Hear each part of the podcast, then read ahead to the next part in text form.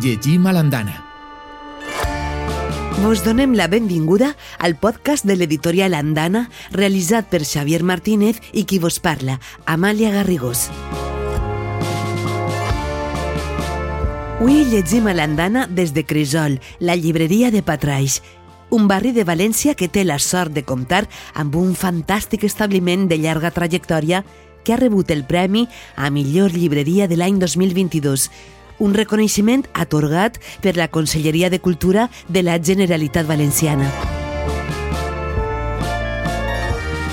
Entrem en la llibreria de la mà de Xavier Martínez, qui es disposa a parlar amb el seu gerent Nacho Larraz, qui és també el vicepresident de Full, la Fundació de la Lectura i el Llibre viurem una preciosa experiència amb xiquets i xiquetes que participen al Club de Lectura Infantil de Crisol amb el llibre de Francesc Gisbert, Una família de por.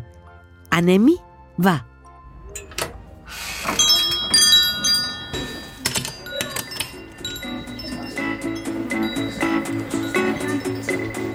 Hola, Nacho?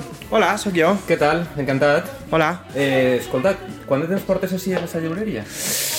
Doncs eh, mira, jo porte pràcticament tota la meva vida, des dels 3 anys, que els meus pares van obrir la llibreria i jo pràcticament mm, vaig eh, créixer així, em vaig criar entre, entre llibres, o sigui que pràcticament tota la meva vida.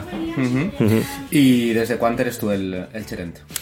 Jo ja vaig agafar el relleu des de fa 12 anys. 12 anys. Ja treballava eh, treballava durant alguns anys, però ja el, el meu pare es va jubilar i ja me vaig encarregar plenament eh, de la llibreria. O sigui, que podem dir que t'has criat entre llibres. Sí, pràcticament, pràcticament, sí. Jo totes les vesprades, quan acabava el col·legi, venia així, fèiem els deures ràpidament i el següent que feia és agafar un llibre i un altre i un altre i mira, pues entre llibres. Uh -huh. I com és això d'estar en, un, en un barri com, com este? Perquè, perquè sou més eh, que una llibreria de barri. Hem, mm. hem vingut per així, hem vist que hi havia així un parc, un jardí molt gran, mm. i que esteu molt integrats dins d'este de, barri, però eh, és algo més que una llibreria de barri. Sí, sí, sí, és algo més. Els meus pares eh, van arribar al, al barri perquè, bueno, en els anys 80, quan van obrir la, la llibreria, era un, un barri d'expansió, un barri mm -hmm. eh, on eh, estava creant-se un, un, un barri nou i així varen, varen decidir fer-lo, no? Eh, és un barri amb molt de caràcter. Matreix és un, un, un barri que té encara eixa, eixa imatge de, de, de poble i de barri, no? de la gent de Patraix. Uh -huh. I, i, en, i encara, encara, encara es manté perquè la gent que s'ha criat a Patraix continua en Patraix i jo crec que això és lo, lo, lo més bonic, no? Un barri de, d'una gran ciutat com a València que encara té el seu caràcter i això està molt ligat en, en, la, en la imatge i en la història de, de la llibreria. Uh -huh. I després de passar tota la teva vida entre estos llibres, entre aquestes prestatgeries eh, en el teu barri, i de quedar-te tu la llibreria i de ser el seu gerent, el seu propietari mm. i vindre tots els dies a alçar la persiana, conèixer la gent del barri. Creus que les llibreries al segle XXI, amb tot el que ja coneixem de, de la compra online i de tot aquest tipus de canvi en quant a, a, a la venda de llibres, continuen tenint futur? Bueno, la llibreria no és un comerç que va néixer fa 50 anys. Té, segle de, té molts segles de, de vida les llibreries i encara tenim, per suposat, molt que, molt que dir i molt que contar perquè n'hi ha una cosa que és imbatible, que és, que és el, el factor humà, molt present en les llibreries, és a dir, la, la relació que tenen els lectors amb el, amb el llibreter i aquesta relació no? de recomanació i, i de punt de trobada de, de la sorpresa, de, de la emoció d'una nova lectura. Mm -hmm. I a banda de, de vendre llibres, feu altres coses, com per exemple clubs de lectura. Sí, sí, la veritat és que sí. Eh, nosaltres ens creiem que, que som un, un motor de generació, creiem que és, és part del nostre paper i efectivament fem un muntó d'activitats les més, de les més importants és Club de Lectura, que mira, precisament avui tenim un, un club de lectura, un club de lectura infantil. Mm, Anem cap allà i m'expliques una miqueta més? Clar, clar que sí. Anem. Llegim a l'andana. Hola, qui sou vosaltres? El meu nom és Martín, eh, vaig a primer d'ESO a l'escola Gavina i pues, eh, vaig començar a vindre aquí pues, gràcies a Ferran, eh, que ens ho va comentar i pues, bueno, van començar a vindre aquí i pues, ja eh, continua vinguent. Hola, jo sóc en Marc. M'encanta el club de lectura perquè m'encanten els llibres. Tinc 11 anys i vaig a sisè de primària de l'escola Gavina. Hola, jo em dic Aitor, vaig, vaig a sisè de primària i vaig a, també a l'escola Gavina. Però a mi m'encanta el club de lectura, que és la meva primera vegada, perquè m'encanten els llibres també. Eh, jo sóc Ferran, tinc 11 anys també, també vaig a la mateixa escola, la Gavina, i a mi m'agrada molt este club de lectura i vinc perquè jo de petit anava al que feia ma mare, el que feia Nacho d'adults, i a mi me, va, me van donar ganes de fer uno de petits i Nacho pues, va, fer, va, fer un, va posar cartells per tota la ciutat i així se va crear. Pues jo em dic Aleix, vaig a l'escola Gavina, tinc 11 anys, també vaig a sisè com els meus companys d'ací, i jo pues, vaig vindre al club de lectura perquè quan Ferran li va proposar a Nacho eh, bueno, pues, fer un club de lectura per, també per als xicotets, a mi pues, li vaig, Ferran ho va proposar a la classe i a mi me va parecer una idea genial. I pues Consuelo, que és la mare Ferran, me va dir on estava el joc, que ja me podia dur si jo no podia vindre, i pues vaig vindre el primer dia, crec que la primera vegada llegirem La mà negra i a mi me va encantar i des d'aquest dia pues vinc sempre que puc. Eh, hola, jo sóc César i acabé de... Soc de sisè de primària com... Un, dos, tres, con les quatre, con les quatre persones que n'hi ha així i, um, i tinc 10 anys. I, bueno, este és el meu primer dia en el club de lectura, però, però, però espero que m'agradi molt i passar-m'ho molt bé. Hola, jo sóc Míriam, tinc 11 anys i, vas, i vaig a sisè de primària del 8 de març. Jo vinc al club de lectura perquè sóc de les poques persones del col·legi que li agrada llegir i quan vinc així és com que no em miren mal perquè m'agrada llegir. Comencem? Vale. Quan va començar el club de lectura? Fa Pues quants anys? jo venia amb ma mare, bueno, jo venia a veure els majors Mm. I vaig proposar a Nacho fer uno de xiquets. Sí, Ferran és un VIP, un VIP de la llibreria. I quan Ferran se va apuntar, quan t'ho va dir a tu, eh, nos ho va comentar a la classe i a mi me va parecer molt bona idea i me vaig apuntar també. Mm -hmm. Aleix, tu pots dir que la lectura és contagiosa? Sí. Per què? Pues és que si encara que t'agraden llibres de fantasia, de realitat, tots tenen una unió perquè tots tenen el seu moment d'ahir d'estar llegint i pues, a mi eh, un dia sense una horeta de lectura no és un dia normal per a mi. T'agrada. I a tu, Ferran? A mi també m'agrada. Des de petit m'agradava molt llegir i des de petit vinc aquí a la llibreria. De fet, jo venia que abans quan estava en el carrer del costat. Mm. Sí, sí. Ferran també s'ha s'ha criat així a la llibreria. Que, que el llibreter és una persona de la família? Pots Sí, arribar a ser... de fet hem fet un camí de la lectura i en joc he posat la llibreria que ens han dit que havien de posar un joc i una persona, però jo he posat un joc i dues persones, i he posat a Nacho i a ma mare. Ai, per favor. He posat a Sí. sí. i a Nacho també. Ai, que bé. La, la veritat és que esto, eh, la part bona dels clubs de lectura és que són, eh, eh, te trobes els, els xiquets que normalment bueno, pues, eh, gaudissin molt de la lectura o, o, o estan en aquest procés i veus com va creixent, no? Eixa, eixa tensió, eixa divertiment, eixa part com lector que se va formant poquet a poquet. I això que passa en una llibreria, no sé, pa paga la pena de tot el que te puga passar. És fantàstic. I heu triat el llibre Doncs Nacho ens va dir de llegir una família de porc. De Francesc Gisbert, que és un autor estupendo. Veritat? Sí. sí. Ara, si voleu, parleu, parlem de, de, d'ell. Llegim a l'andana.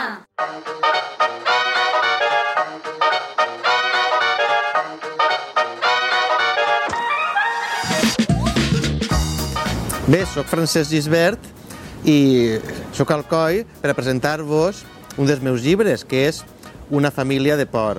És un llibre que el vaig escriure amb la idea de fer una història que fora d'intriga, d'aventures i sobretot també de- d'humor, perquè apareixen uns monstres una miqueta especials, eh? que es passen coses molt divertides i que, es fan, i que al final han d'aprendre a conviure amb una altra família que són ja d'humans. Eh? També m'han dit que este llibre, a més de llegir-lo, aprofitareu per a fer una lectura en veu alta. Una cosa que espero que també us agrade molt, tant la lectura del llibre com la lectura en veu alta i que passeu doncs, unes, una estona molt divertida fent totes les activitats. Per tant, vos convide a llegir, primer per a vosaltres, després en veu alta, Una família de por.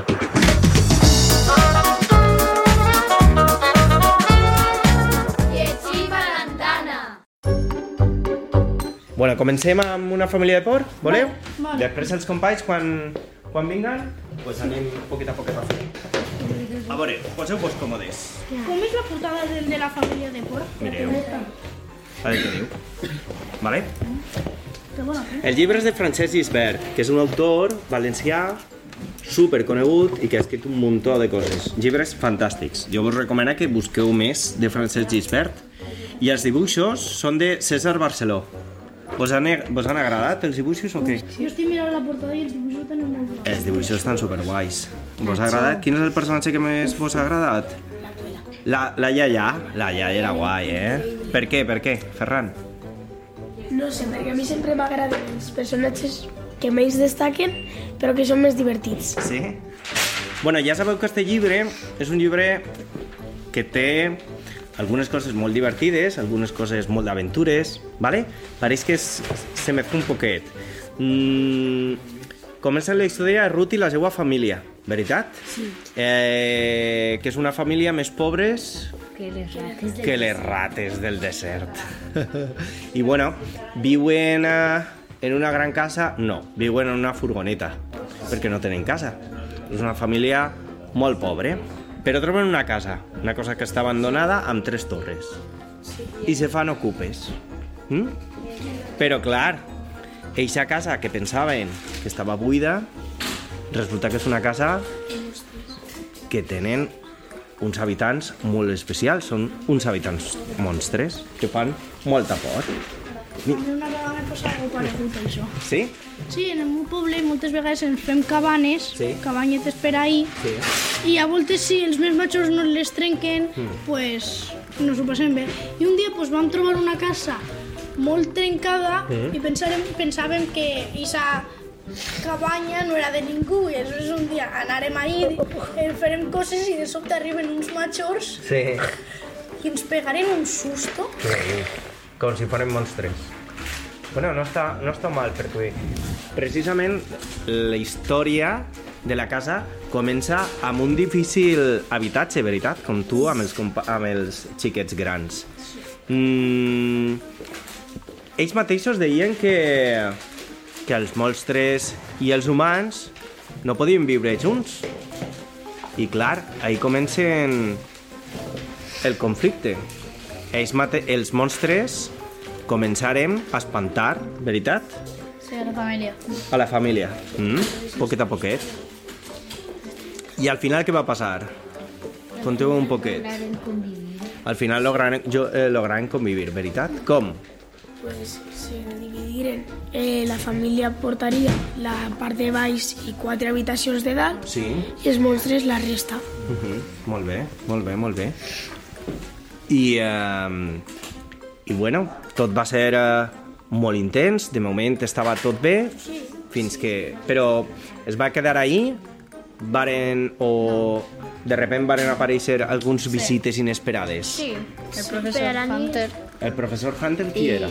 Pues era un cazador de monstres que es casava per a la princesa brillantina, Mhm. eh, la qual tenia més de 90 anys, però... Mhm. Eh, Era jove. Sí, Era era jove perquè el professor Hunter casava els monstres i els monstres li donaven com Energia, força. sí. energia, com es donava energia i le feia jove. Uh -huh. Pareixia jove i, i molt bonica per això, no? Sí. Uh -huh. Però tot això ho varen trobar en la casa? Al professor i a la princesa? No, no. Ells van trobar a una dama blava, Sí. a un esquelet, Mm. que se va pujar al, sote, al terrat Sí. i va intentar assustar-los, igual que la dama blava, però tampoc. I també es van trobar un dimoni, Mm. però ningú va aconseguir assustar-los. Mm. Clar. I bueno, també eh, van trobar a Mont, Mm. bueno, eh, la... El, el monstre sí. de l'armari. Sí, sí. Mm. El monstre de l'armari. És com molt raro perquè eh, els monstres intenten d'assustar, però No com que la família no, no s'entenen de res. Ells, Sí. Com que són normals, però com que no s'entenen ni d'una. Per què penseu que no, no s'espantaven? Per què? Pues, a veure, jo crec que ahí intentem fer un poquet de gràcia perquè com has dit abans, ells viuen un poquet en la ruïna, sí. aleshores res li fa por. Molt bona observació. Estan com acostumats a viure Claro. en, en descampats, Sí. als sorolls nocturns. Ahà. Sí. O tal volta estaven dissimulant, però no espantar els xiquets. O també pot ser que com eren pobres no, ane, no, haguem, no haguem vist ni pel·lis ni res d'això i no saberen això dels monstres. Una bona observació, que no coneixeren els monstres. Uh -huh. Bueno, els monstres no només apareixen en, en Bueno, les en un pel·lis. moment diu el pare que els monstres no, diu, els monstres no existeixen. Mm, molt bona observació. Tal volta era això, que els adults no creen en... creuen en els monstres? A lo millor se pensaven que a lo millor se pensaven que eren tot mentira perquè se n'anaren de la casa. Uh -huh. A millor la mare ho dia per a que els xiques, per a que els xiques no s'assustaren. Podria ser. I pot ser en aquest univers també existeixen monstres i no ho estem veient gens, eh? pot ser, pot ser. Mm. Però aleshores, si no existiran, si existiran els monstres, ho veieu, en... serien més els adults o més els xiquets que El meu profe d'inglès és un monstre. Ah, sí? No me digues, per què penses això? Perquè Perquè té caràcter o què? dona classe molt mal.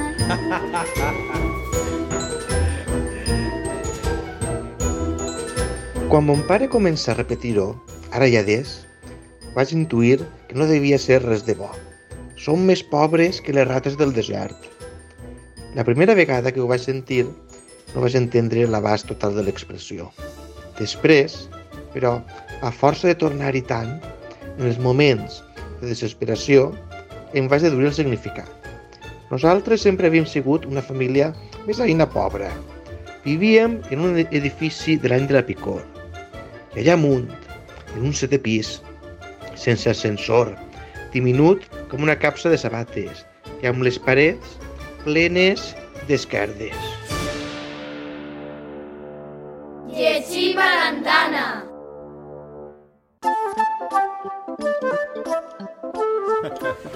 Bueno, és veritat que jo crec que el llibre té algunes parts, no? Primer en la casa i després en una altra part. És que comença a ser molt realista, però Mhm. després passa un poc a surrealista, passa a ser fantàstic. Mhm. Sí, que Per pot- què? Pot ser de moltes formes. És... Pot, pot ser de dues formes, Mm. com ha dit Ferran. Mm. No sé. Sí, sí, més. N'hi ha dos espais, veritat? El primer és en la, en la casa i després I després se'n van al món dels monstres. el mons de les Diu la, llegendes. prince- la princesa brillantina. Ahà. I ahí ja canvia el llibre i de repente estem en un món un poquet més fantàstic, veritat? Sí. Per què? Per què vos pareix que és més fantàstic? Per el món en si, perquè Per viuen dracs, està la princesa brillantina, les Mhm. escultures de tots els monstres dissecats. Mhm. I monstres. Perquè, Sí. com expliquen en el llibre, és tot massa perfecte, és com perfectíssim. Mhm. Però jo crec que el professor Hunter també és un monstre. També, eh? Per què? No, no mm, de forma, sinó un monstre perquè ha traicionat a l'espècie. als, als éssers humans, dius? Sí, Mhm. home. Mm, més o menys sí, perquè si els monstres se tractaven bé, no sé, és com que ha, trencat alguna cosa. Sí, és veritat, perquè eh, dient que abans els monstres i els humans convivien. I Però ara, impossible. I no se Clar. sap per què ni en la causa. És una bona observació, perquè és veritat que en este llibre, que es parla de monstres, apareixen monstres que a vegades pareixen roïns, però després són bons, a vegades pareixen bons, però després són roïns, humans que pareixen monstres, monstres que pareixen més humans... Llegim a l'andana. Fa poc em vaig trobar amb Ruth, la protagonista d'una família de por, i em va comentar que cada dia que passava estava més satisfeta i orgullosa que hagueren après a conviure. Que havia de fi, una autèntica amistat entre monstres i entre humans sempre resulta profitosa per amb dues parts. De tant en tant, els havien de renyir, perquè, segons en compte Ruth, els monstres s'escap, s'escapaven per xalers del voltant. Ho sabien perquè sentien crits a mitjanit i tornaven tots partint-se de riure. Què hi farem? Em diu Ruth. Són els nostres monstres. I ara també els vostres. Espere que vos hagi agradat el llibre Una família de por, publicat per Antena Edicions. Molt bones lectures.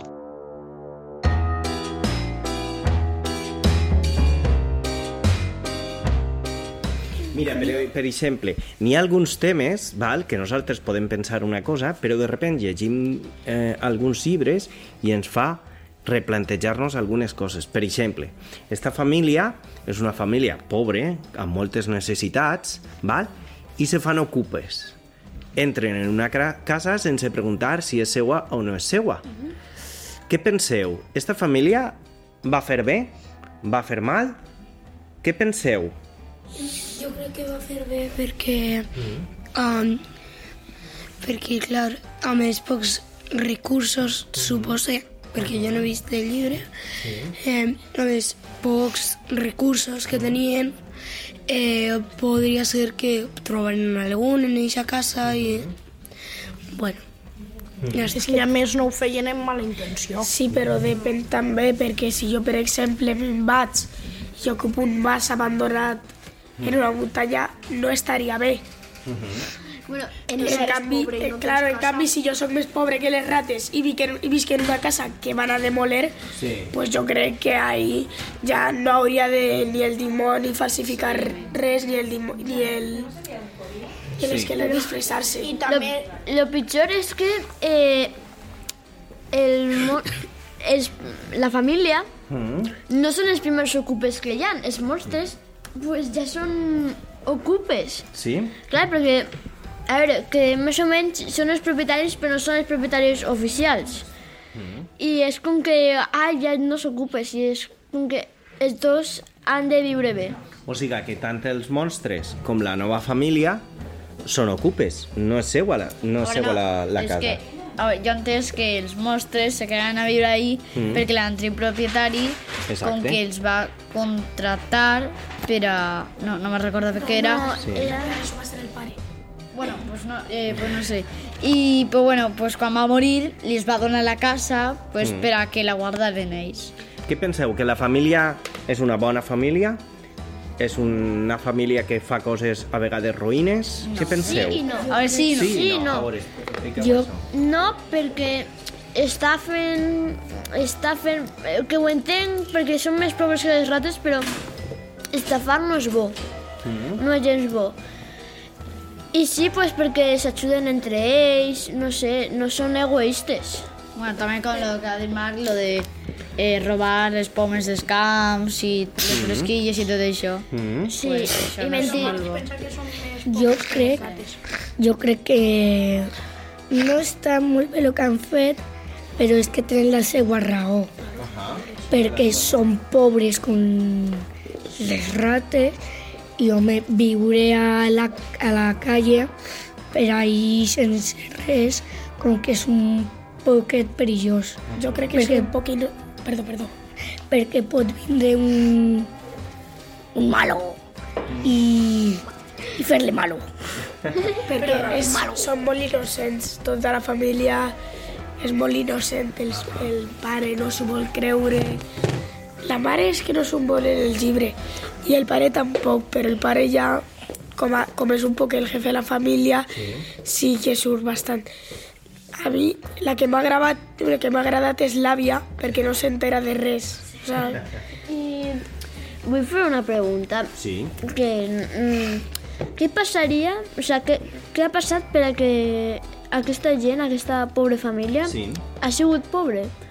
Què, què ha passat? No sé. És una molt bona pregunta. Tots en la vida no, tots en la vida no poden ser rics. No, no, però que tinguen molts pocs, no, molts pocs calés. Pues mala sort en la vida. Si tots Com tingueren... Si tots, perquè si tots tingueren, si tots tingueren diners en esta vida, pues no n'hi hauria...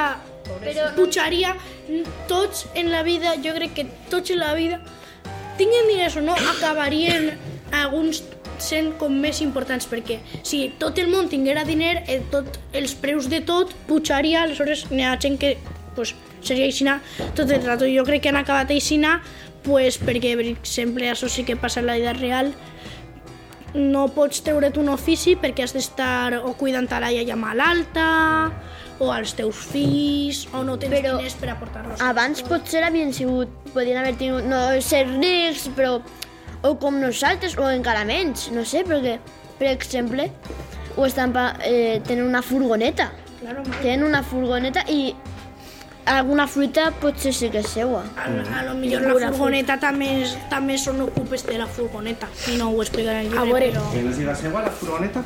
No és, no és tant això, sinó per exemple igual l'han heredat o també pot ser, jo què sé, també pot ser que en algun moment hagin ahorrat molts diners, Sí.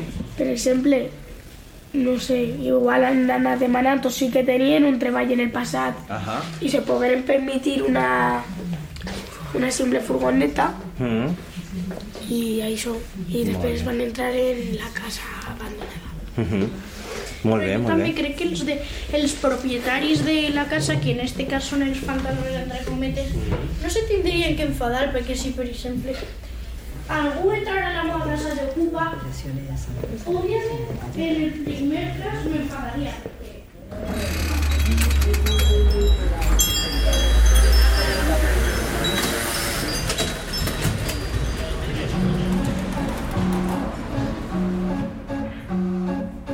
Bé que ho hem passat en Cresol, la llibreria de Patraix, amb una bona colla de xiquets i xiquetes ben intel·ligents i xerradors que han volgut viure l'experiència amb nosaltres llegint a l'andana amb el llibre Una família de por, de Francesc Gisbert. Gràcies per sentir el podcast d'Andana Editorial. No deixeu de llegir a l'Andana. Adeu!